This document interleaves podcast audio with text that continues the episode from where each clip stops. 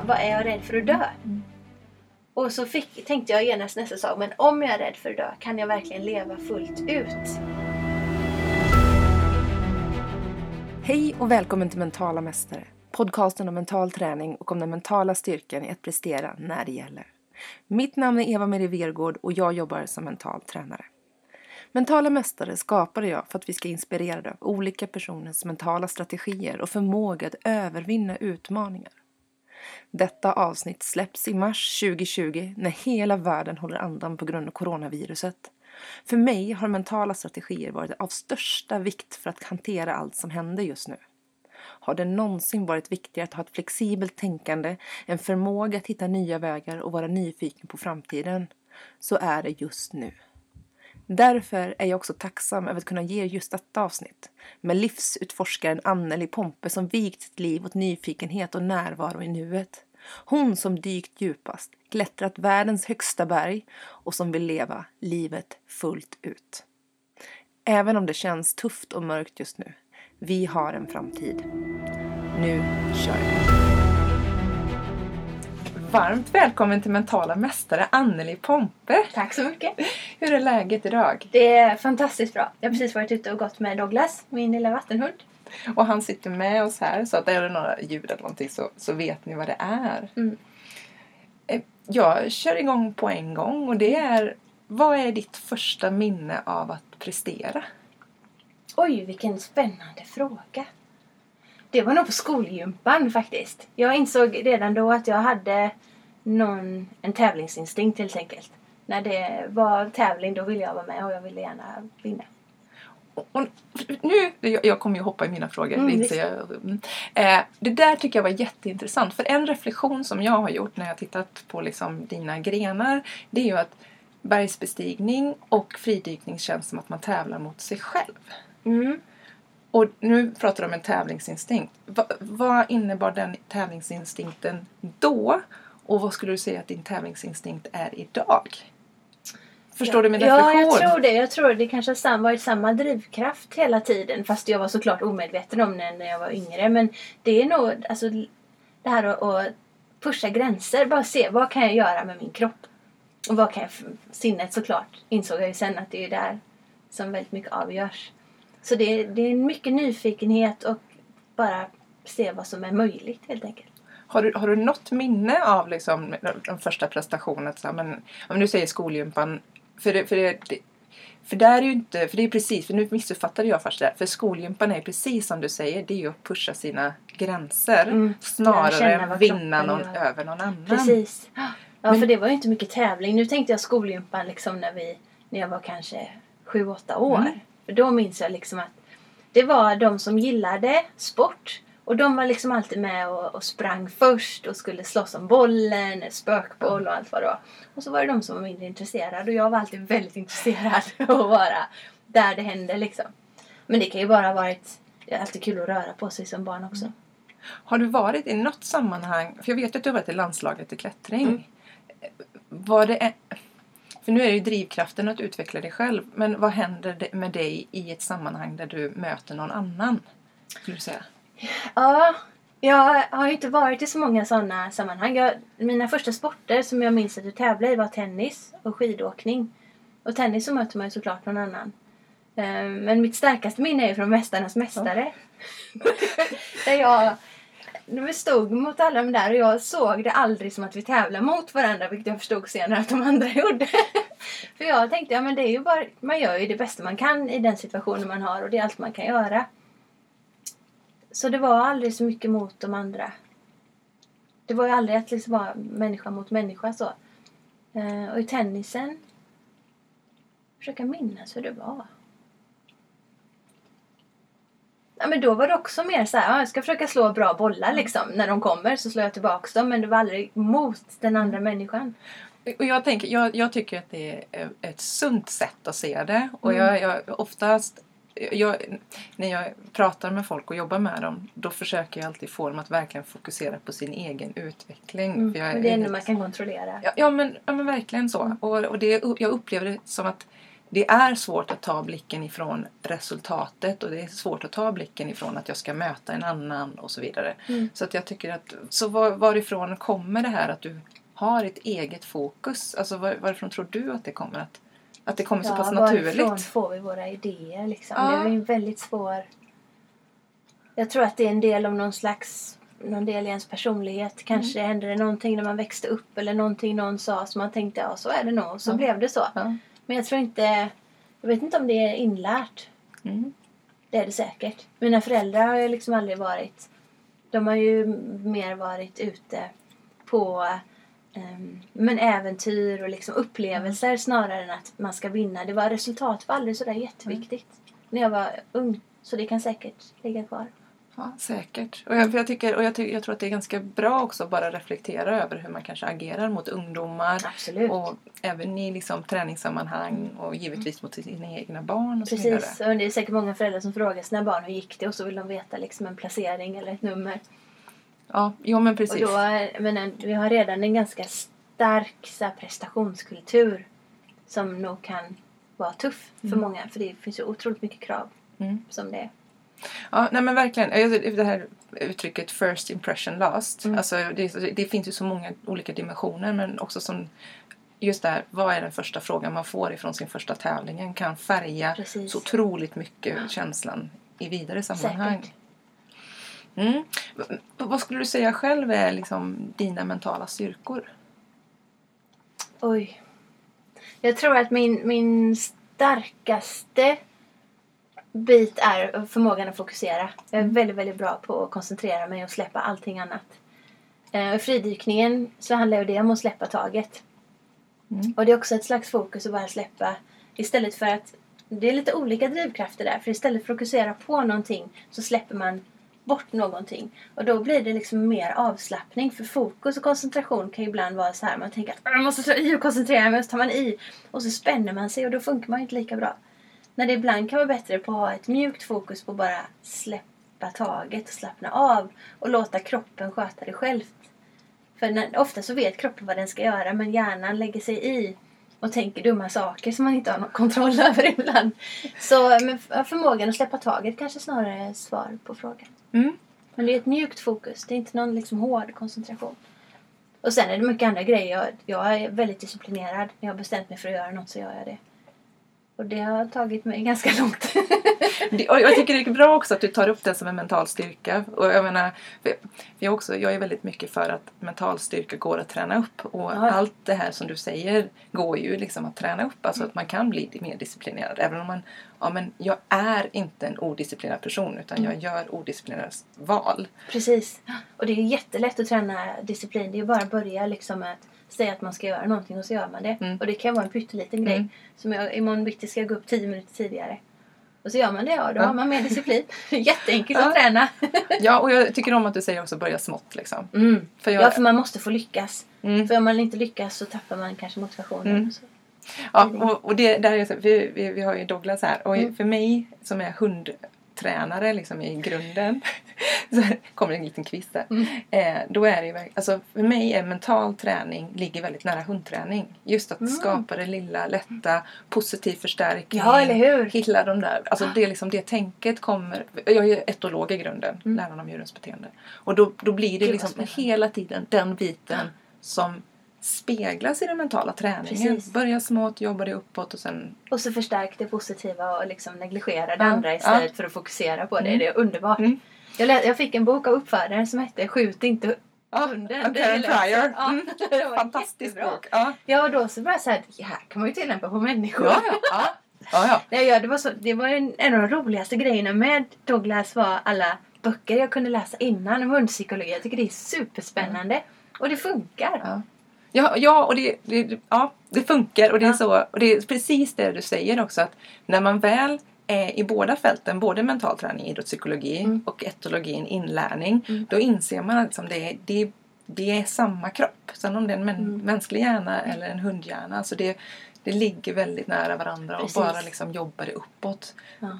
Det vi har, som vi kanske, som är i våran, ligger i vårt fat, är ju att vi kan tänka och hitta på vad andra tänker och ska tro och liksom den där mentala... Och tro på våra egna tankar dessutom. Exakt, exakt. Liksom. och det, det intressanta där är ju ehm, att våra hjärnor till skillnad från djurs hjärnor verkar gilla komplexitet. Mm. Alltså man tänker att för att det här ska funka så måste det vara komplext. Jag måste liksom jobba mycket med det och det kommer vara jobbigt. Men egentligen så är det bara de enklaste grejerna som är de bästa lösningarna oftast.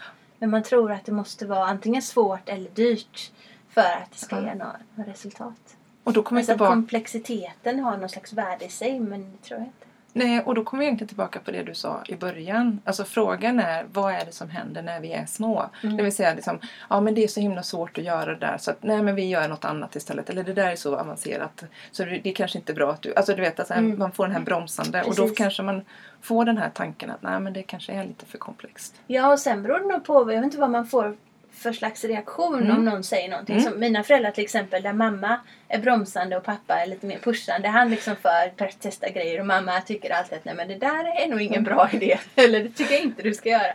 Så kan det också det skapa som en såhär, jo det ska jag visst. Ja. Mm. För det är ju som en typisk barnslig grej så här. Mm.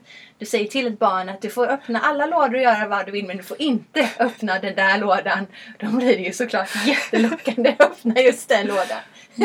Ja, nej men verkligen. Så att det verkligen. är ju, ja, det beror nog på vad man har för slags reaktion också. Mm. Ja men verkligen. Och då, ja, nej, ja, fantastiskt. Mm. Ehm, och, du, och du nämnde någonting som du kallade mjuk fokus. Mm. Och nu när du besteg ditt senaste berg så Mm. skrev du i ditt blogginlägg så här, Why am I here? Mm. Det var en sån här liksom, varför gör jag detta? Och just att det jag tyckte var så himla bra skrivet det var just att lyssna utan att vilja. Listen without wanting. Mm. Kan inte du bara beskriva det? För jag, Åh, jag får nästan gåshud. Ja, Ja. för, för jag, jag tycker liksom, för det är, ja, konsens, ja, berätta. Huh. ja, men det är, det är så lätt att tro att man kan tänka sig fram till svar. Att man liksom, det blir en lång konsensus och tankar som sitter ihop och till slut leder till ett svar. Men det är ofta bara att man har hittat på. Man vill så gärna att det ska vara någonting som man hittar på saker som antagligen inte är sanna. När, och det är ofta väldigt ytligt och bubbligt och komplicerat. Men de djupare och mer sanna svaren de finns ofta någonstans djupare och de är ofta tystare. Och de kommer aldrig som resultatet av en lång tanketråd utan de kommer mer som så här plopp. Jaha, så är det ju. Det kommer liksom in, in det finns ett fint uttryck i tystnaden mellan tankar. Där dyker det ibland upp fantastiska svar och sanningar som är mer rätt. Och bara, alltså jag tycker det är lite olika. Man känner nästan när ett svar kommer direkt från hjärnan eller tankeverksamheten, när ett svar kommer djupt inifrån. Och har man då tränat på att lyssna så hör man skillnaden. Var på, jag var på Nattikos Björn. ja, Mm. föreläsning nu. Han var i Göteborg ganska nyligen. Och då var det, det han inledde föreläsningen var med att jag vill inte att ni sitter och skriver ner. Mm. Utan det jag säger kommer komma till er när ni behöver det. Precis. Och- det som man behöver komma ihåg, komma, komma ihåg. Ja, ja men precis. Alltså få med sig hela andemeningen istället för att fokusera på anteckna. Eller, man lyssnar ju på ett annat sätt. När man lyssnar, och det är svårt att förklara, men när man lyssnar för att hitta information som man tycker passar in i sitt tankesätt eller i sin, sitt liv. Då så lyssnar man ju bara på vissa grejer. Men om man istället slappnar av och lyssnar på det hela så får man ett helt annat intryck. Och det har också att göra med det här mjuka fokuset, tror jag. Och inte liksom vilja att fokusera så mycket utan slappna av och släppa taget lite. Mm. Vilket är raka motsatsen till vad vi har lärt oss. Många av oss. Det är så här, ju mer du tar i ju bättre kommer det gå. Mm. Det är också en slags sanning inom sporten. Och det trodde jag på jättelänge. Tills jag hittade fridykningen. Och, och då måste jag bara reflektera, för det där var en liten epiphany för mig nu. Mm. Eh, och, alltså, som jag har haft i mig. Och det är simning. Mm. Eh, jag började simma för typ 5-6 år sedan så jag är ganska ny inom crawlet. Eller crawla frisimmet. Eh, och där är det ju verkligen så här, ju mer du tar i, Mm. desto långsammare går det. Aj, Så du- Det är, verkligen, det är verkligen så att man får inte ta i utan man måste bara ha tekniken, andningen, lugnet och då går det skitsnabbt. Mm. Och jag tänker att det är egentligen så i, i all prestation i utövandet. Att när man bara släpper, hamnar i flow, men bara släpper, som du säger, släpper taget och bara låter det ske istället för att liksom anstränga sig så himla ytterst. Precis. Ja, det är också, minns ju säkert att Björn pratade om mycket om att sluta försöka kontrollera allting. För det tar så mycket energi. Mm. Men om man släpper mer och låter det, låter det, låter det vara så får man mer energi och man kanske inte hetsar upp sig så mycket när något går fel. True that. Så, så vad är det som driver dig skulle du säga? Vad är ditt why? Ah. Har du haft olika why Ja, absolut. Ja. Jättemånga olika. Och nu, fast jag tror att det har funnits ett som alltid har funnits där men som jag ibland har förtryckt. Ehm, och det handlar mer om den inre utvecklingen. Alltså nästan andlighet är nog ett fel ord men det, jag tror det finns någonting som påverkas inuti en när man utsätter sig för saker både fysiskt och mentalt. Och hur den biten reagerar och hur den blir sen. Jag har inget bra ord för det. Nej. Men det har varit en drivkraft. Det är som att man experimenterar med sig själv. Nu gör jag det här, vad händer då? vad kommer hända inuti mig om jag utsätter mig för det här? Jaha, vad spännande! Mm. så, ja, men, jag ogillar ju ibland att bli kallad för äventyrare för då blir man satt i ett fack. Men jag tycker det är så spännande att göra nya saker. Mm. Som en utforskandet är liksom en drivkraft i sig. Och sen så tycker jag väldigt mycket om att pusha mig. Jag, jag tycker det är roligt. Och jag tycker det är tråkigt när det inte är någon utmaning alls. Då kan det bli så här, nej men jag vill inte besti- bestiga Kebnekaise. Fast nu, ja, kan tänka mig att göra det för naturupplevelsen men liksom inte som en... expedition på det Nej. sättet. Mm.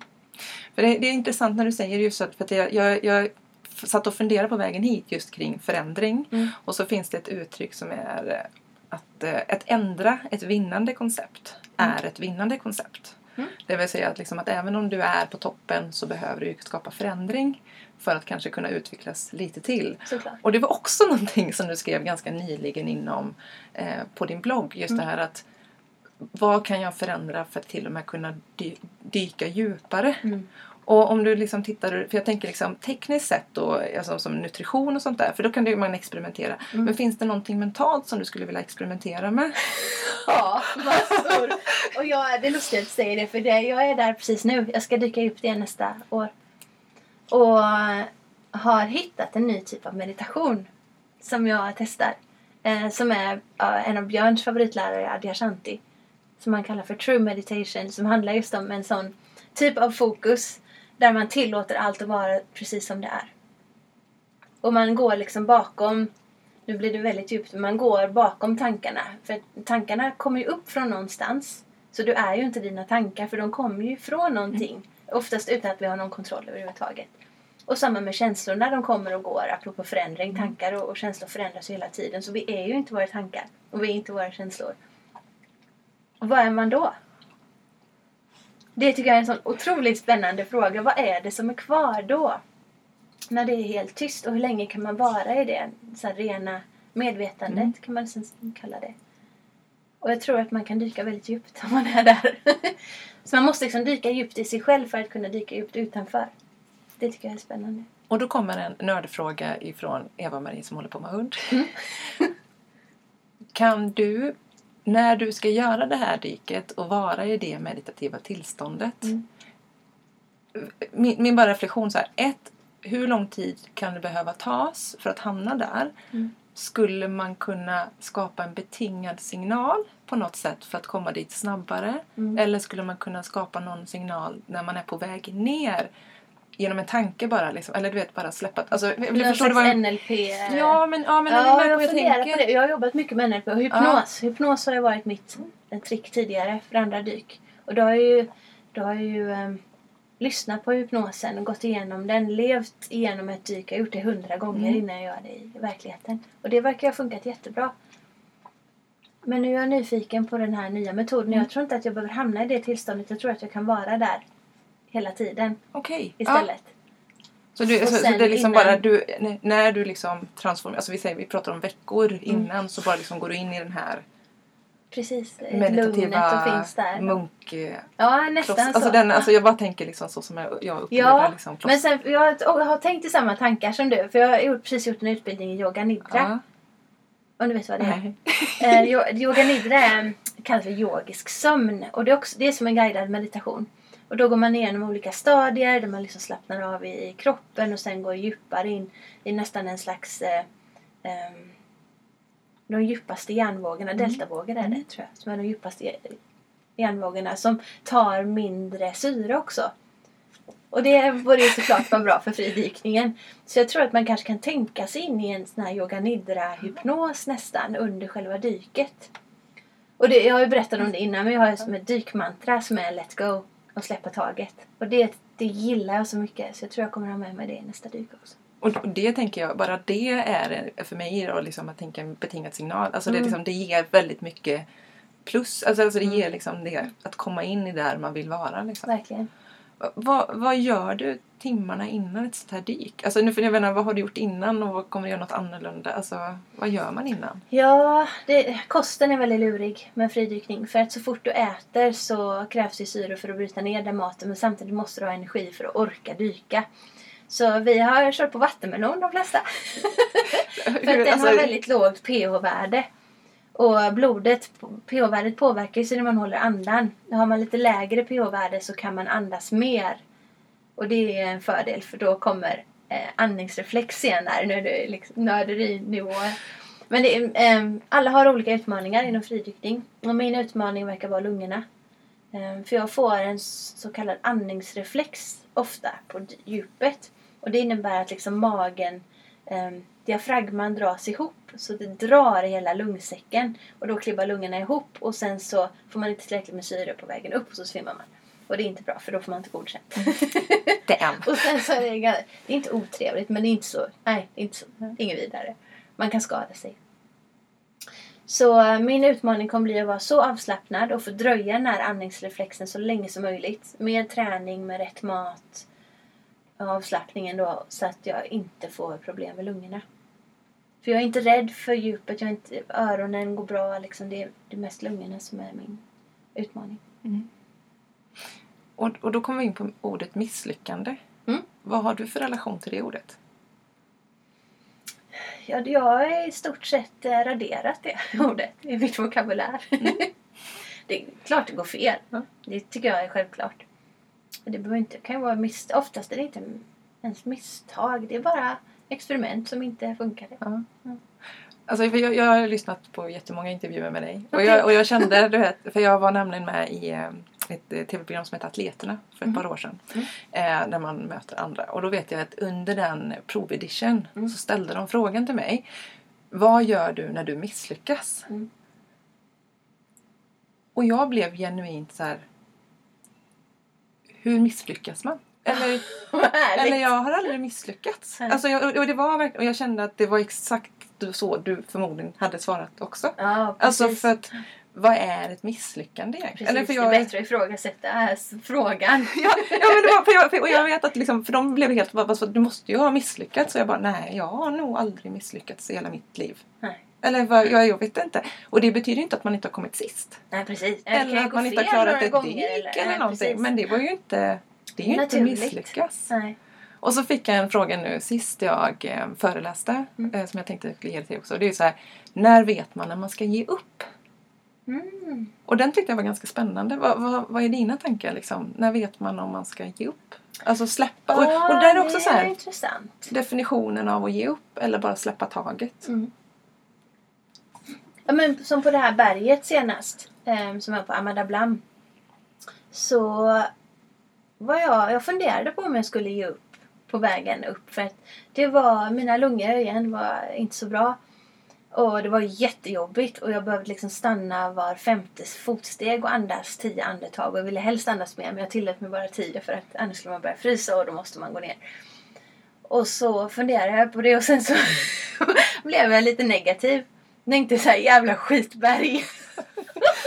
det här är helt meningslöst och så vände jag mig om till min kompis, släktkompis och sa maybe we go down. Han bara, your choice. Jag bara, va? Vadå my choice? Du ska ju säga nej, kom igen nu. Nu kör vi. För då hade jag liksom lyssnat på det. Men det är egentligen, det var ännu bättre. För att Mm. ge tillbaka det till mig, för det är ju mitt val. Och jag visste ju att kroppen kommer orka det. Det är bara väldigt, väldigt jobbigt just nu. Mm. Och det är okej. Ja, och det Alltså, är okej. okej att och sen är- så försökte jag tänka mig in i den här situationen. Ja, men om vi vänder och går ner. Så bara nej. Det går inte. Det fanns liksom inte på kartan. Och, ge- och ge upp. Ja. Ja, för Jag, jag, jag, tycker det, för jag tycker just liksom ge upp är också spännande på många sätt. För jag menar det kan ju bara vara så att för i det här fallet eh, som vi pratar om nu då liksom hundträning när man kanske tävlar och tävlar och tävlar men inte uppnår de resultaten Mm. man skulle vilja. Och då är vi tillbaka egentligen till det vi började prata om. Men kanske inte kommer till resultatet men så länge man utvecklas. Och, det man tycker det är roligt. Exakt! Ja. Så länge man Det tycker det är det roligt. viktiga. För det kanske är så att man åker och tävlar för att umgås. Ja, precis. Ja, men, ja, men ähm, apropå ge upp där. Så minns, jag minns när jag gav upp i Mästarnas Mästare. Och det var när det inte var roligt och det var ganska meningslöst. Så man hade en tung säck bakom sig och alla andra sprang och jag kom ingen vart. Det här var ju ingen mening med. Så då har jag en massa olika saker. Nej, det funkar inte. Och då bara, ja. Ja, och, och i mina ögon är det ju inte det. Och, alltså jag tänker så här, andra kanske hade sagt ge upp med en besvikelse. Ja. Och, och, jag, jag, och jag ser det inte så. Nu kanske Nej. jag, nu projicerar jag lite. Ja, nej, men jag, jag, tidigare i livet så titta och så. Förlåt, Syret. Douglas han ligger och sover på sin hundleksak. Underbara Ehm. hundar. Ehm, Tidigare i livet. precis. Ja men det har nog att göra med om, hur man är som förlorare också. Om man är en så kallad dålig förlorare som tycker det är jobbigt att förlora. Mm. Då är ju ge upp är ju liksom, det är ju något stort. Och jobbigt. Definitivt. Och jag var nog en sämre förlorare när jag var yngre. Tycker det var jobbigare. Mm. Ja, för jag, jag, mm. Och jag, jag är väldigt mycket för liksom, att försöka få bra känslor även när det har gått dåligt. Precis. För då kan man färga vidare positivt framåt. Mm. Och inte hålla tag vid det heller Ja. så länge. Man, man kanske lär, man lär sig av det. Tänker okej det här ska jag inte göra nästa gång eller det här kan jag göra annorlunda. Och sen släpper man det. Mm. Och inte tänka på det. Och det är det som vi pratade med, med hundar, om hundar innan. Att om någonting går fel i deras liv, liksom de halkar eller liksom sådär. Eller att de blir lite sura och så fem sekunder senare är allt bra igen. Så de är så himla bra på att släppa känslor men vi återupplever dem. Kanske inte bara en dag utan veckor och år och månader. Och det är ju ganska onödigt. Mm. Har du några, knep när det gäller till exempel ältande? Eller har du, det kanske inte finns i ditt... Jag noterar när det kommer upp Ja, och sen släpper jag det medvetet. ja, Och byter till att göra något annat. ja precis. Och det är nog, ja men apropå mentala styrkor, det tror jag är en av mina styrkor. Att jag noterar när tankar kommer. Så 90% av gångerna så hamnar jag inte liksom i en ström och dras med av tankarna utan jag märker att ja, nu tänker jag det här. Det var onödigt. så släpper vi det. För det hjälper det inte tankar dig så Nej, det, Det det säger något väldigt, väldigt bra. Om inte de hjälper dig så let them go. Mm. Verkligen. Och vilka tankar är viktiga? Hur vet man det? Mm. Det vet man nog bara om man har lärt sig att lyssna på ytan på de bubbliga tankarna och kan ifrågasätta, är det ens mina tankar eller kommer de från någon annan Mm. som sa något någon gång? Jättebra poäng. Mm. Jättebra poäng. Du... jag hoppar jättemycket. Eh, För när du säger det där så läste jag din krönika. Och var ett ord, uttryck, FOPO. Just Fear of other people's opinions. Ja. Som jag inte hört innan, det Okej. uttrycket. Eh, och det är någonting inom min sport, som, eller alltså inom hund, som har kom, liksom blommat upp ganska mycket. Eller det är en av de vanligaste problemen. Det är just Ja, att men det kan jag inte tänka mig. Så mycket sig. åsikter också. Så mycket åsikter. Man kanske köper sin andra hund. Vad ska jag ha? Eller jag blir instruktör Mm. och ska prestera med min nya hund. Vad ska andra tro om jag inte lyckas? Eh, vad, jag vågar inte ens börja träna med min valp. För tänk om jag gör fel. Mm. Eh, vad ska andra säga om min hund gör ett utfall? Mm. Alltså vad ska, alltså den här liksom. Så jag tyckte det också det var en jättebra krönika. Tack. Ja, det är... Jag vet inte om det är ett stort problem, men det, jo, men det är ett stort problem. För då lever du hela ditt liv liksom efter andra människor i princip. Och märker man inte det så tar livet slut och så bara hoppsan, var det. Ja men, ja, men Det är verkligen. väldigt sorgligt. Ja, och just det här liksom att, att, att hela tiden fokusera på vad andra ska tro Mm. istället för att liksom bara tänka på sin egen utveckling. För jag tänker att det blir också lätt en prestationsångest Ja, bara. självklart. i sig själv. Vad, nog. hur har du gjort för att inte... För, för det här tycker jag är intressant också ur ett, från ett normperspektiv. För du bryter ju normen och har liksom, upplever jag i alla fall, alltid gått din egen väg. Mm. Hur, hur, hur har du lyckats inte göra du vet, så här, som alla andra, alltså, utan följt Oj. ditt hjärta istället? Har du någon sån här brytpunkt, så här, typ att ja, men när jag gick ur gymnasiet så valde jag det här? Fast alla andra tyckte att ja, men du borde läsa på universitetet eller ska du inte skaffa ett riktigt jobb? Eller? Ja, det har jag hört såklart. Men eh, jag undrar om inte det började med klättringen. För det var ju så ovanligt. Det var ingen annan som klättrade. Men klättringen hade en så stark dragningskraft så det spelar liksom ingen roll. Det andra spelar ingen roll. Och jag har nog alltid haft en känsla av att jag är annorlunda. och inte liksom försökt smälta in. Jo, men det gjorde man väl förresten. Man vill jag inte säga. Jo, det gjorde jag. Eh, ja, men Ja. när man var i 14 års åldern så där vill man ha samma kläder som alla andra och så. Men eh, med görandet, som nog är viktigare, så var dragningskraften till klättring var viktigare än att göra det alla andra gjorde. Och har man väl börjat på en sån bana och märker att det går bra och det känns bra så är det nog väldigt lätt att fortsätta. Så tipset är egentligen till de som känner att det här är inte mitt liv. Mm. Börja med det lilla och försöka... Precis, så hitt, vad är din dragningskraft? Och det har jag en jätterolig eh, ny eh, tanke kring. Nu minns jag inte vart jag hittade den. Det kan ha varit när det var en båtelektriker här. Som, som vi började prata om hur gör man vissa saker i livet. Och så sa han det att när jag var liten så brukade jag och min lillebror sitta i våningssängen. Och han lekte att han var kapten på båten och jag var nere på underslafen och, och var i maskinrummet och pillade med elektroniken. Och det tyckte jag var det roligaste jag visste när jag var, när jag var barn. Och nu är hans brorsa sjökapten och han jobbar som båtmekaniker och älskar det. Mm. Och då kan det vara så att det som känns naturligt, som man tycker är roligt när man är barn, att det blir någon slags naturlig dragningskraft som man sen har med sig som vuxen. Och så pratade jag med min frisör för någon, någon vecka sedan. Och hon sa det att när hon var liten så älskade hon att låtsas att hon satt i en kassa och blippade varor. Så när hon började jobba extra på ICA, hon älskar det. Så man tycker liksom så här, ja men kassör, det måste vara jättetråkigt. Men hon, ibland det bästa hon vet är att bara sitta och blippa varor. Så bara man hittar sin sån grej. Vad, vad tyckte Ja. du om att leka med när du var barn? Ja, alltså, jag, jag sitter verkligen så här. För grejen är så här att jag älskar djur. Ja. Jag älskar djur. Det är det enda jag har gjort. Alltså Okej. det är det enda jag har gjort i hela mitt liv. Ja. Och jag vet att jag har, mitt starkaste minne det är när jag sitter hos syokonsulenten i nian. Och vill ha liksom, en ny eh, sån här praktikplats. Ja. Och då har jag precis varit på, jag kommer inte ens ihåg vad jag med, på någon, på en veterinär man är veterinär i åttan och så ville jag ha liksom ett nytt djurställe. Och Mm. hon bara, men hur ska du tro att du ska kunna få jobba med djur när du blir stor? Va? Alltså på riktigt Eva-Marie. Det är mycket bättre att du Ja men till exempel gå och jobba på ett slakteri eller någonting. Ja men du vet så här, och jag bara Alltså du vet jag kommer aldrig jobba med något annat än djur. Alltså jag var verkligen så här, och jag var och det och som du, det som jag tycker är viktigt här det är att från min barndom så är det så här, du gör det du vill. Mm. Alltså det är liksom något, ett mantra som jag har. Var fick du det ifrån? Mamma. Okej. Alltså det är verkligen så här, du gör som du vill. Du gör precis vad du vill. Och ska du jobba med djur, då gör du djur. Och det är det jag har gjort liksom. Mm. Det är, alltså, nu jobbar jag som mental tränare men det är ju Mm. inom hundsporten och jag har jobbat som djurtränare i tio år. Mm. Så, eh, och jag, jag, jag minns så himla starkt hennes och jag, jag, jag var så arg på henne också. Ja, för jag, så, här, jag, så jag gick ju därifrån och sa då fixar jag min egen praktikplats. Mm. Och så jobbar jag i något stall. Mm. Alltså, och jag, tror att det är liksom jag tror väldigt mycket på det du säger. Att man, man behöver kanske, alltså sen om det är hur gammal man är när man känner för det. Mm. Men jag, men jag tror att det är någonting som Mm, skapas ganska där. tidigt. Verkligen. Ja. Så ska man bara hitta tillbaka till det om man har Precis. släppt det Och för... om det kan liksom leda till någonting annat inom samma Mm. gebit. Jag vill helst bli hemlig agent. Och liksom vara ute på uppdrag i skogen. och nu är jag ju på uppdrag i skogen och i bergen liksom. Ja men det är ju expeditioner är ju Ja. verkligen Ja men det är precis. Så sen om det är vad, vad man kan tänka sig.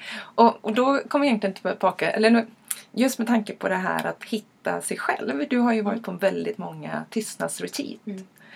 Vad tycker du är alltså, den största aha-upplevelsen när du liksom har varit där? Liksom det du har tagit med dig. Vad har det gett dig? Skulle du säga? Number one och number Ja, det two. första retreatet eh, så var jag ganska ung. Och jag har alltid haft mycket överskottsenergi. Alltså, du- Hur gammal var du? 25. Ja. 24. Någonstans där. Och ehm, ville ge upp efter två dagar. Därför att eh, jag var så himla rastlös. Jag tänkte det här är ju ingen bra idé alltså. Eh, men då var det en munk som sa till mig att ju mer du vill fly, ju mer måste du stanna. Och det har varit med mig sedan dess. Och det var verkligen så här, ja det här måste jag ta mig igenom.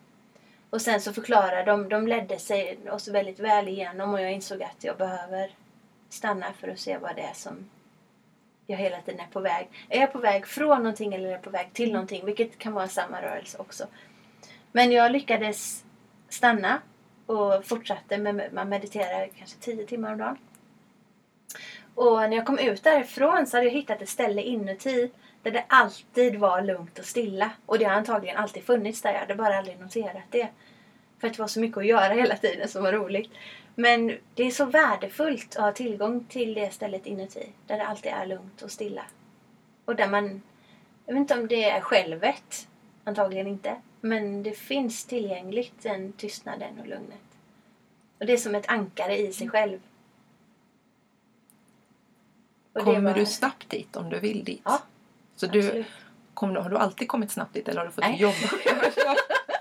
Det, det, det där första retreatet var ju viktigt. Och det krävdes de tio dagarna. Eh, Varken mer eller mindre. Tio dagar. Och sen så, eh, det är en tuff vana att ta sig tillbaks dit. Så det tog några retreat. så märkte jag liksom att efter sex månader så var jag tillbaks i det här igen. Och så bara, nu måste jag åka tillbaks och komma ihåg vad det var som var så viktigt. Och så åkte jag tillbaks. Så just det, det här var det. Fast då, varje retreat är nytt också. Ja. Det blir aldrig samma. Och ehm, nu, jag tror jag har varit där sex eller sju gånger på mitt favoritställe och sen har jag provat andra också. Jag var på ett förra veckan i USA. Mm. Som var fantastiskt. Vad var lärdomen den här gången? Eller fanns det någon sån här epiphany som... Ja, Kom till här, dig. det här stora insikten var något som Adyashanti kallar för spir- spiritual instinct. Att det finns någonting i oss som vill hmm, uppleva allt. Alltså alla nivåer av varandet eller existensen.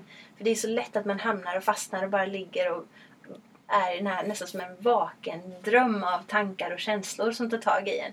Men det finns något ännu djupare. Och det är jag nyfiken på. Gud vad spännande. Så det är liksom den, ja men den här hela andliga biten har liksom legat i dvala i några år. För det har varit annat som kommit i vägen. Men nu, det var liksom det som var, ah, nu är jag på rätt väg igen. Och utforska inåt. Inte så mycket utåt. Gud vad läckert. Mm. Och, och nu har du flera gånger nämnt namn. Alltså så här Ashanti och, och, och mentorer. Och, och det, för en sak som jag reflekterar över är att du hade en favoritsherpa. Ja. Nu vill jag inte ens försöka uttala hans namn. Shering. Shering. Mm. Ja. Och det jag, för jag, jag liksom upplevde, det blir nästan som en golfcaddy. Nu vet jag inte så mycket om golf. Nej, Nej, men- så relaterat Men, till. men, jag, jag, jag, för Ja. det, men just som, som du sa också, när du vänder dig om och frågar så här, May I go down? It's your choice. Alltså, var, var min skärpa eller var min caddy, alltså bemöter mig i den här situationen, Mm. kan göra rätt mycket liksom. Eller min partner. Ja, eller liksom, verkligen. alltså, så att man har vad, vad, hur mycket pratar man med skärpa? Alltså jag, jag menar, ni är ju liksom tillsammans i Ja, vi är, vi är som bästa vänner. Ja. Vi pratar ju jättemycket om Men- allting på alla nivåer. Har man någon liksom dialog om hur vill du att jag bemöter mig? Nej, Eller något där sånt är där. vi inte Utan de riktigt. är... eh, Ja, nej. Det, han är... Han är bara bäst. Ja, han är bara. Han, han gör det bra liksom. Ja. Jag litar på honom. Och han känner mig så pass väl. Vi har klättrat så många gånger tillsammans så han, han har koll. För det känns ju som en, en stor trygghet att ha Ja, liksom men- rätt person. Och sen, ja men det är som jag... En klätterexpedition blir... Summan av en klätterexpedition är deltagarna. Mm. Hur de är och hur vi påverkar varandra. Det är liksom det. Själva berget är ganska litet i förhållande till, till, till gruppdynamiken. Och, men just det här att vi smittar av oss med vår energi på något sätt. Och det blir ju så om man är med någon som, är, som bara klagar. Det är så Mm. jobbigt och det gör ont och det går inte bra. Och då blir det liksom så här till slut, här, det börjar krypa liksom i skinnet och man börjar känna sig lägre och lägre ju mer man är med en sån person. Och det kanske man inte funderar över alltid, varför det är så. Jag vet inte. och då blir tar ju- min följdfråga. Har du varit på en expedition där det har verkligen varit Ja. dålig gruppdynamik? Och Ja, hur gjorde du då för att inte dras ner? Ja, men då tänkte jag mig så här, "Nej, men det här får liksom inte bli en expedition när jag får nya vänner och har roligt. Utan jag får köra min grej helt enkelt. Jobba med mig själv. Mm. Och inte bry mig så mycket om vad de andra gör. Och hitta, se om det är någon som jag kommer överens med och hänga med den personen. Så funkar det också. Jag tycker om såna, jag kallar det defaultbeteende. Mm. Alltså när man liksom så här, okej det här blev inte riktigt som jag tänkt mig. Alltså ska jag jobba med mig själv. Mm. Alltså, alltså får jag liksom se det här som en utmaning i att jag liksom får en annan utveckling just i Ja men precis, läget. det går alltid att hitta en, någon slags utmaning i det. det, är det, det är därför folk hatar den. Kan det inte vara... Nej men alltså, ja. Jag tror att det liksom, och jag menar det är ju också bara en träningssak att liksom hela tiden gå Mm. tillbaka. Så, Ja, du har säkert eh, hört talas, tänkt, Carol Dweck heter hon va? mm, mm. om eh, dynamiskt mindset eller statiskt mindset. Det är ju precis vad det är. Antingen så bara, nej, nu är det så här, nu kommer det vara så här för resten av livet. Eller för resten av, jag är sån här, kan inte förändra mig. Men det dynamiska är ju en helt annat förhållningssätt. Och Det det, är- är något som jag gillar, som jag tycker att mental träning har gemensamt med buddhismen som min favoritreligion. Är, det finns inget bra svenskt ord för det, men impermanence. Allting är förgängligt, allt förändras hela tiden. Och ju mer vi försöker för- hålla tag i någonting, ju sämre kommer vi må. Så det är bättre att vara i en ständig förändring och släppa kontrollen mer. Och lära sig vara dynamisk och flexibel, tror jag. älsk på det där. Alltså verkligen. Och jag kan, jag kan säga till ni som är här, om vill man kolla på Carol Dweck så är det ju TED-talket är ju jättebra. Ja, jag Hennes bara läst hennes TED-talk. Ja, eh, hon har ett TED-talk och då får man liksom 12 minuters ganska Mm. tjopp. Alltså Okej. om man vill ha lite så här, jag kan Ja, länka ja, men det, någonstans. det var Mm. väldigt intressanta tankar. Mm.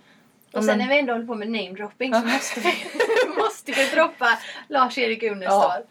Som är liksom fadern till mental träning och styrka. Jag tror inte många, jag tror inte många atleter hade varit där de är idag utan hans idéer och, och träningsmetoder. Jag hade absolut inte kanske ens suttit här idag om jag inte hade hittat honom. Vad var din, det är bland de första aha, du vet såhär bara wow, det här inom mental träning. Jag tänker liksom när du började läsa mental träning. Mm. Fanns det någon liksom första aha-upplevelse när du... Oj.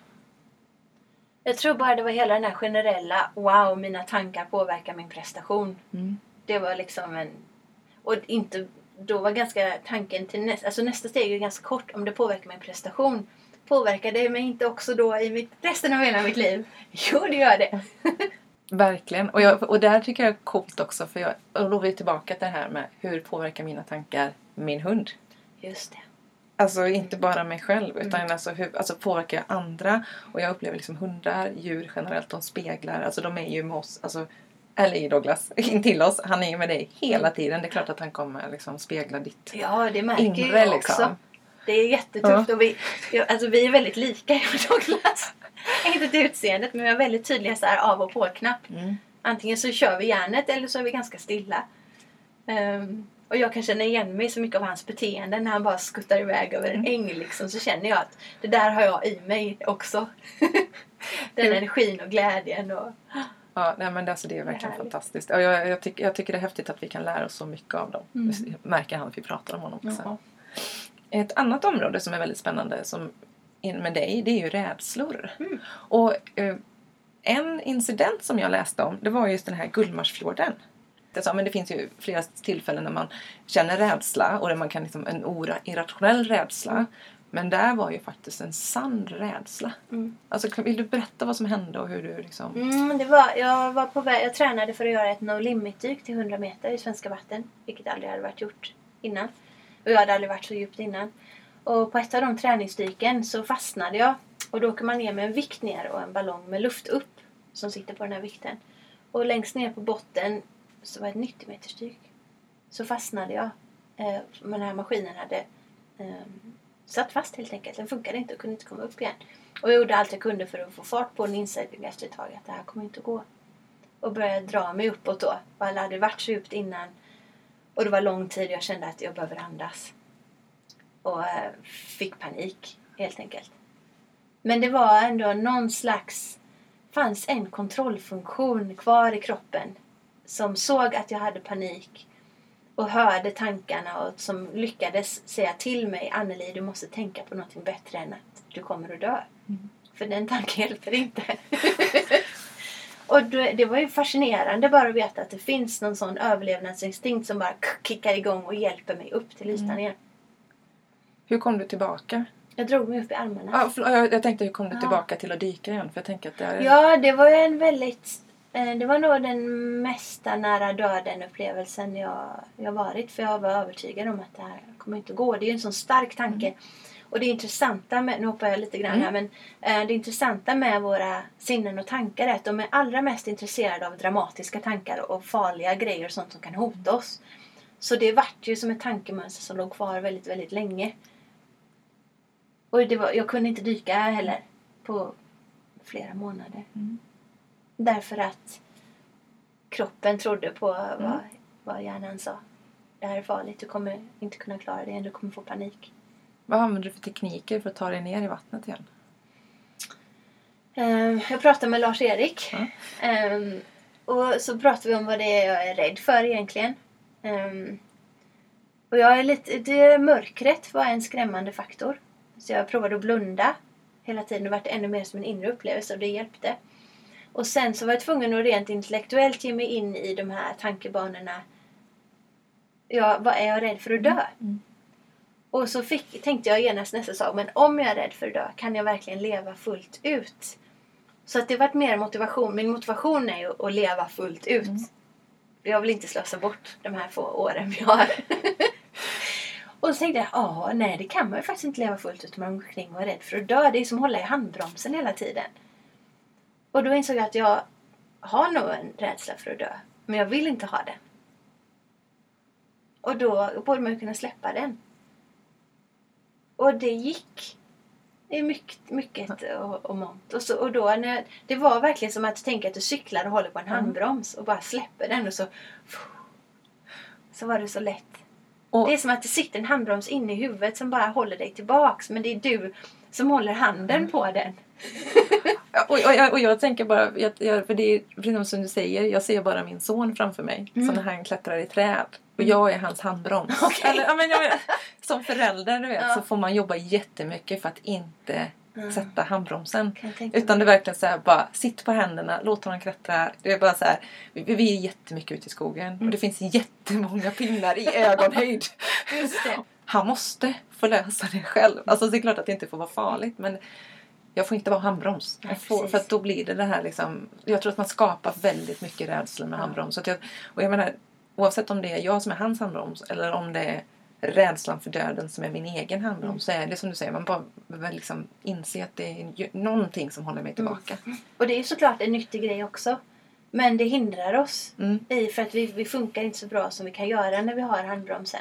Eh, Vi har en annan väninna som har ett barn som skulle gå längs relingen på en båt och bära en väska i ena handen samtidigt. Det var ju som gjort för, att- för att gå fel. Och eh, hon var ju mer så här och så, Håll hårt i både relingen och väskan! Och vad tror du barnet gör? Släpper båda två.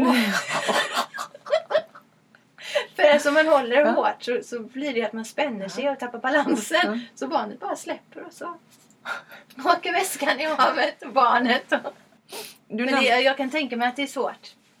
Eh, Jag har inga barn jag tror inte jag kommer ha det. Men Douglas är ju lite som ett barn. ja, ja, ja, Och ja. jag blir också orolig för honom för han är ju tokig när han är ute. Jag bara, nu kommer han bryta sig. Det kommer inte bli bra. men, Men det och- går inte att säga till honom. Nej, och han men det- måste ju leva. Och det här som är så galet, för jag, jag har liksom ingen erfarenhet av barn whatsoever. Mm. Alltså whatsoever. Men jättemycket erfarenhet av hundar. Så jag är inte rädd när jag har liksom en valp eller en hund och du vet liksom i samma situationer, vilket skulle kunna vara exakt samma eller det är rädsla liksom släppa lös och eller, de där. Men man inser verkligen liksom att när man inte vet, då blir man liksom, då finns Ja. den här spärren och då, då måste man välja att släppa. Eller som du säger, Mm. liksom, välja. Men så första dyket efter det här nu då? Alltså Mm. var, gjorde du också sån här threshold så att du liksom hela tiden gjorde korta dyk och liksom, alltså tänk vanlig Nej, KBT? det tänkte eller? jag inte så mycket på. Jag tänkte att jag skulle dyka ut på en gång. Ja, Ehm, och det gick ju inte bra. Jag, dök, jag kom ner på kanske 20 meter Ja. och fick panik igen. ja. Och gav inte upp såklart. Den provade om och om igen och till slut var det inte roligt. Och då så lät jag det vila ett tag. Mm. Och det var ju väldigt frustrerande Ja. såklart. Därför att eh, min kropp vet att den kan dyka till 100 Ja. meter men hjärnan Ja. lät mig inte göra det längre. Och det är det som är så mäktigt och samtidigt så irriterande Mm. med hjärnan. Att den sitter på så mycket kraft.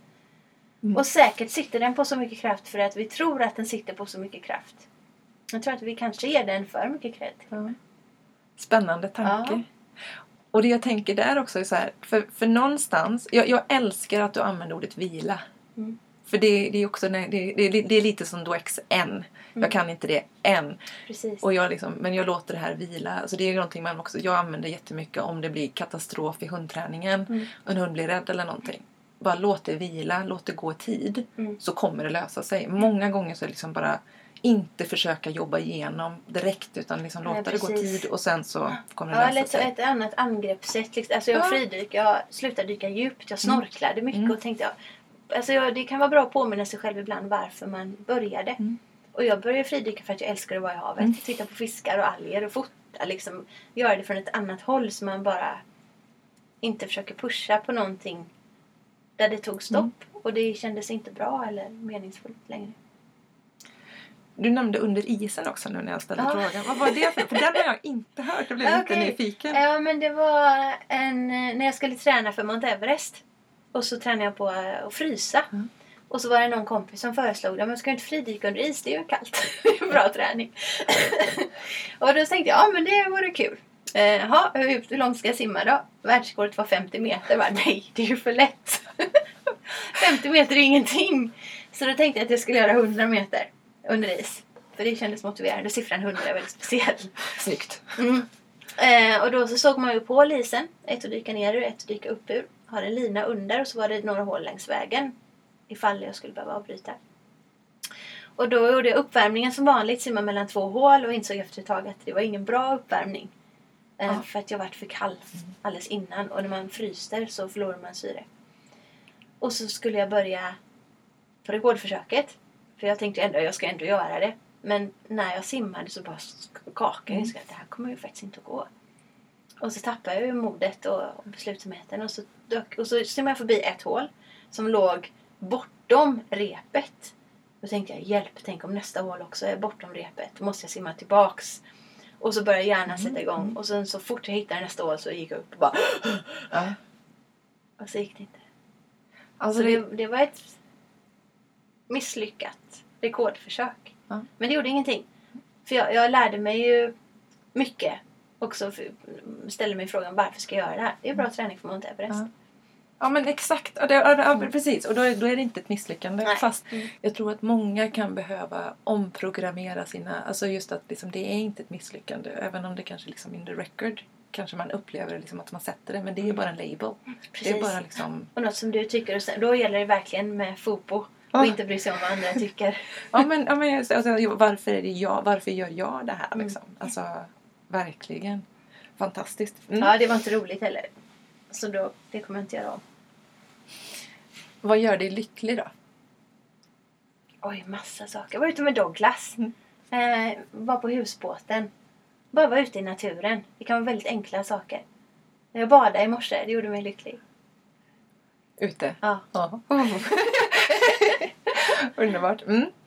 Jag, Meditation gör mig väldigt lycklig. Jag är otroligt motiverad att meditera just nu för att jag har varit på det här retreatet och det är så spännande. och, och jag tänker bara Det det är så här... spännande att sitta och vara tyst och blunda. Ja, men bara det här också, liksom, att hamna där och spänningen. Vad kommer det här kunna ge mig till nästa dik? Alltså jag, Mm. jag förstår. Alltså jag, det, det är väldigt inspirerande när man hör det. För det, är liksom, det blir spännande på en annan nivå. För vi är tillbaka Precis. till utvecklingen. Ja, alltså men exakt. nyfikenheten. Ja, så att egentligen det här med att, att göra ett nytt rekord. Det är bara ett svepskäl. För att ha en anledning liksom att kolla vad mer kan jag göra inuti. Ja, super underbart verkligen. Ehm, Jag ska, får jag visa dig en film sen? ja, det får En- göra. Det är en så här nio minuters dokumentär Ja. om lycka. Ja, Ja, om en uteliggare som möter en fotograf. Nej, ja men det måste jag få titta Mm. på. Och så kanske vi kan, finns det någon länk Ja, som man kan kan liksom dela? Alltså antingen om du delar den eller Ja, vad absolut. För det hade ju varit jättekul att dela Ja. med. För jag, det var bara för att jag vet att du skrev det någonstans att just lycka är kopplat till hur djupt man kan dyka. Man kan inte lika djupt utan lycka. Och Precis. jag intervjuade Peder Fredriksson ganska nyligen och då berättade han, vi- skojar, eller jag, jag ställde frågan hur presterar ni när ni är kära? Mm. Nykära. Och då säger han att Jens Fredriksson, hans bror, då, han, han vinner alla klasser när han är nykär. Okej. Och jag, och jag, liksom, just den här, jag tycker det är spännande att liksom bara sådana såna händelser i ens liv kan göra att man liksom höjer sin nivå. alltså, visst. På något sätt. Så det är Ja, liksom, jag, tror, jag, jag är väldigt mycket för att leva lycka. Alltså man Mm. liksom bara, nu är det bra liksom. Där är det bra. Och, göra det ofta. Mm. Jag tror att man kan ha en sån en lite lågmäld lycka som finns där hela tiden. Mm. Ja, för det, för det är väldigt många, eller väldigt många, jag, det kanske också var min sökbild. Det finns en hel del som ifrågasätter lycka och som ifrågasätter att lycka är bara liksom the in the moments liksom Mm. så. Nej, Ehm, Det tror jag inte. nej, jag tror inte det heller. Jag, men jag tänker också att det är, de kanske inte har fått den här lågmälda lyckan som man Nej, kan känna. precis. Nej, jag kan komma på mig omkring så här med att gå omkring och småle. Så märker jag det oj, jag ler åt ingenting. Ja, men, och jag, det känns väldigt bra. ja, ja, men jag, jag, alltså, jag, det, jag upplever också att det, för den som lyssnar och känner så här, fast jag håller inte med. Fast om man bara tränar på liksom, att ja, men jag, kopp te är jättegott och Mm. jag sitter här med min Ja, men älskade framförallt hund. Och, notera allt man redan har som är så fantastiskt Ja. och så bra.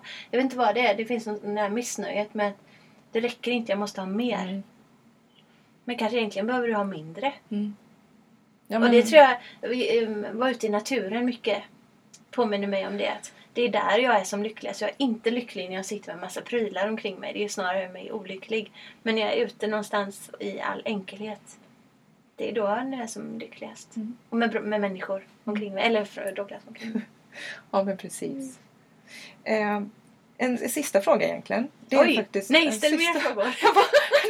Jag bara, jag bara ett fantastiskt samtal vi får. Ja. Fantastiskt. Verkligen på alla sätt och vis. Men jag är faktiskt nyfiken på vad du har för tankar kring att sätta mål.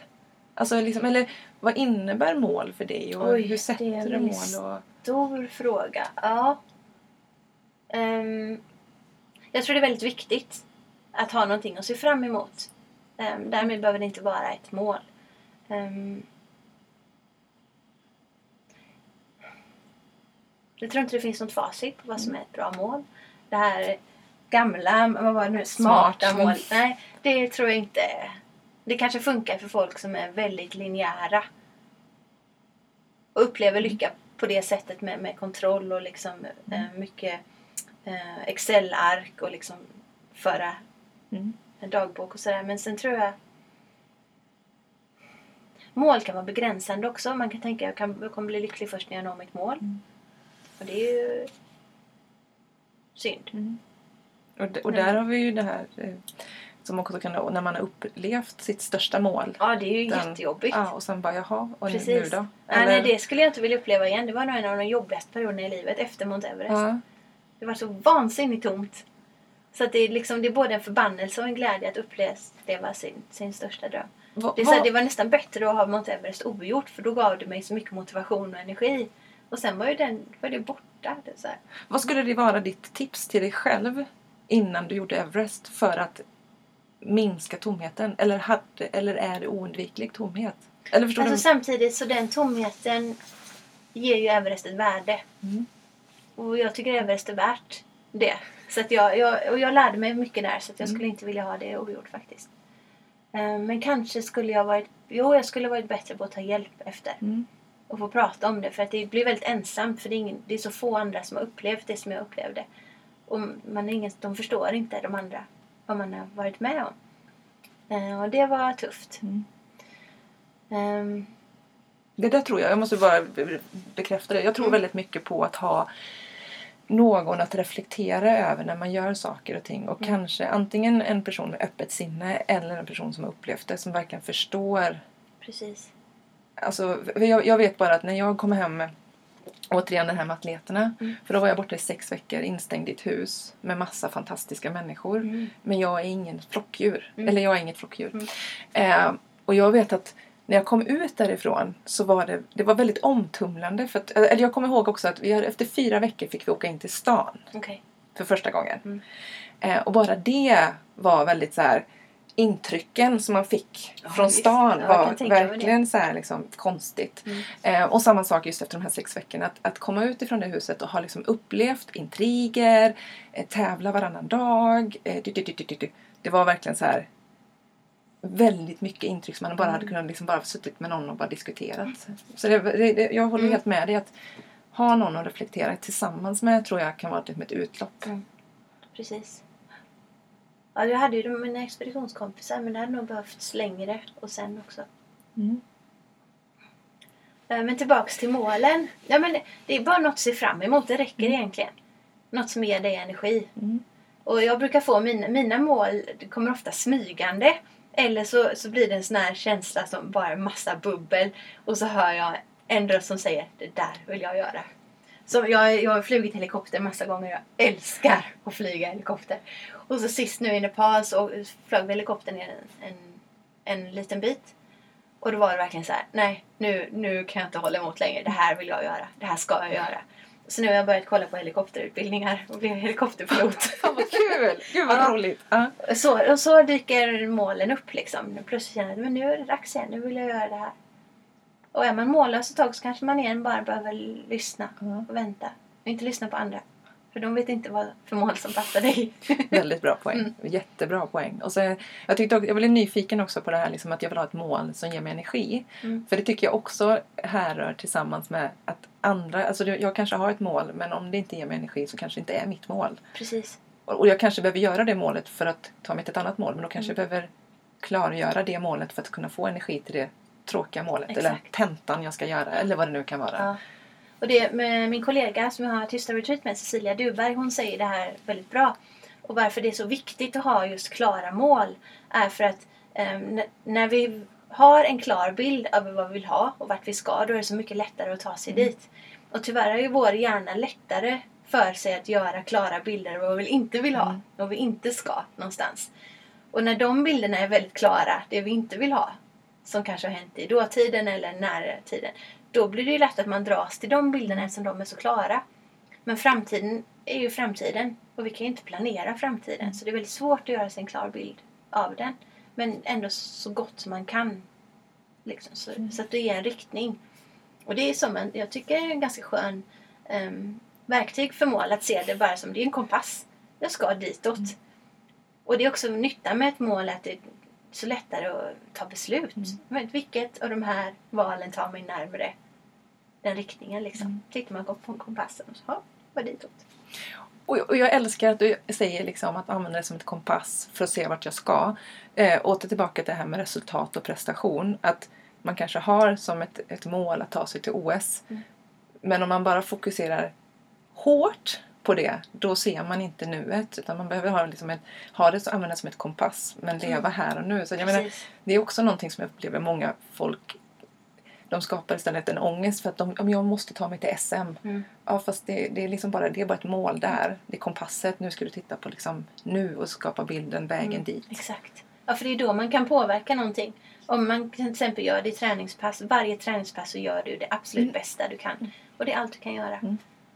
Och då kan man inte heller se, behöver man inte se tillbaka och ångra sig att varför gjorde jag inte det där eller det där. Så, jag gjorde mitt bästa. Mm. Och det är väldigt skönt. Underbart Anneli! Och den allra sista frågan då, Mm. tyvärr. Mm. så, vem skulle du vilja att jag intervjuar i ett sånt här sammanhang? Cecilia Duberg. Cecilia Duberg? Mm. Ja. Hon är fantastisk. Ja. Så mycket kunskap. Jag älskar att jobba med henne. ja. Gud vad härligt! Ja, hon är verkligen fantastisk på det mentala och massa andra grejer. Ja, jag har bestämt att jag ska åka på något silent retreat med er. Det är Ja, helt klart. välkommen. Det ska jag göra. Ja. Definitivt. Du får göra en tyst podd. Ja. En tyst podd. Jag kan inte göra ett silent retreat med hundar. Liksom, där man har med sig hunden och så kan man liksom... Precis. Ja, det är väldigt roligt. Jag, jag börjar tyst ibland med Douglas nu ute så jag Mm. har liksom gjort handsignaler Mm. för saker vi ska göra. Och det märker man att det är väldigt häftigt med samspelet för då lyssnar han på ett annat sätt också. Ja, nej, ja, de, är, de är fantastiska hundarna. Mm. Alltså, vi, har, vi har så mycket att liksom, ta inifrån dem som verkligen kan visa oss. Mm. Tack så Ja jättemycket! men tack själv, det var jättekul. Ja, ska vi kunna fortsätta? ja, och jag måste bara säga, jag älskar din båt. Jag älskar Ja, den, den är fantastisk. Jag med. Och så Douglas såklart. Mm. Du var jätteduktig var du. Sånt.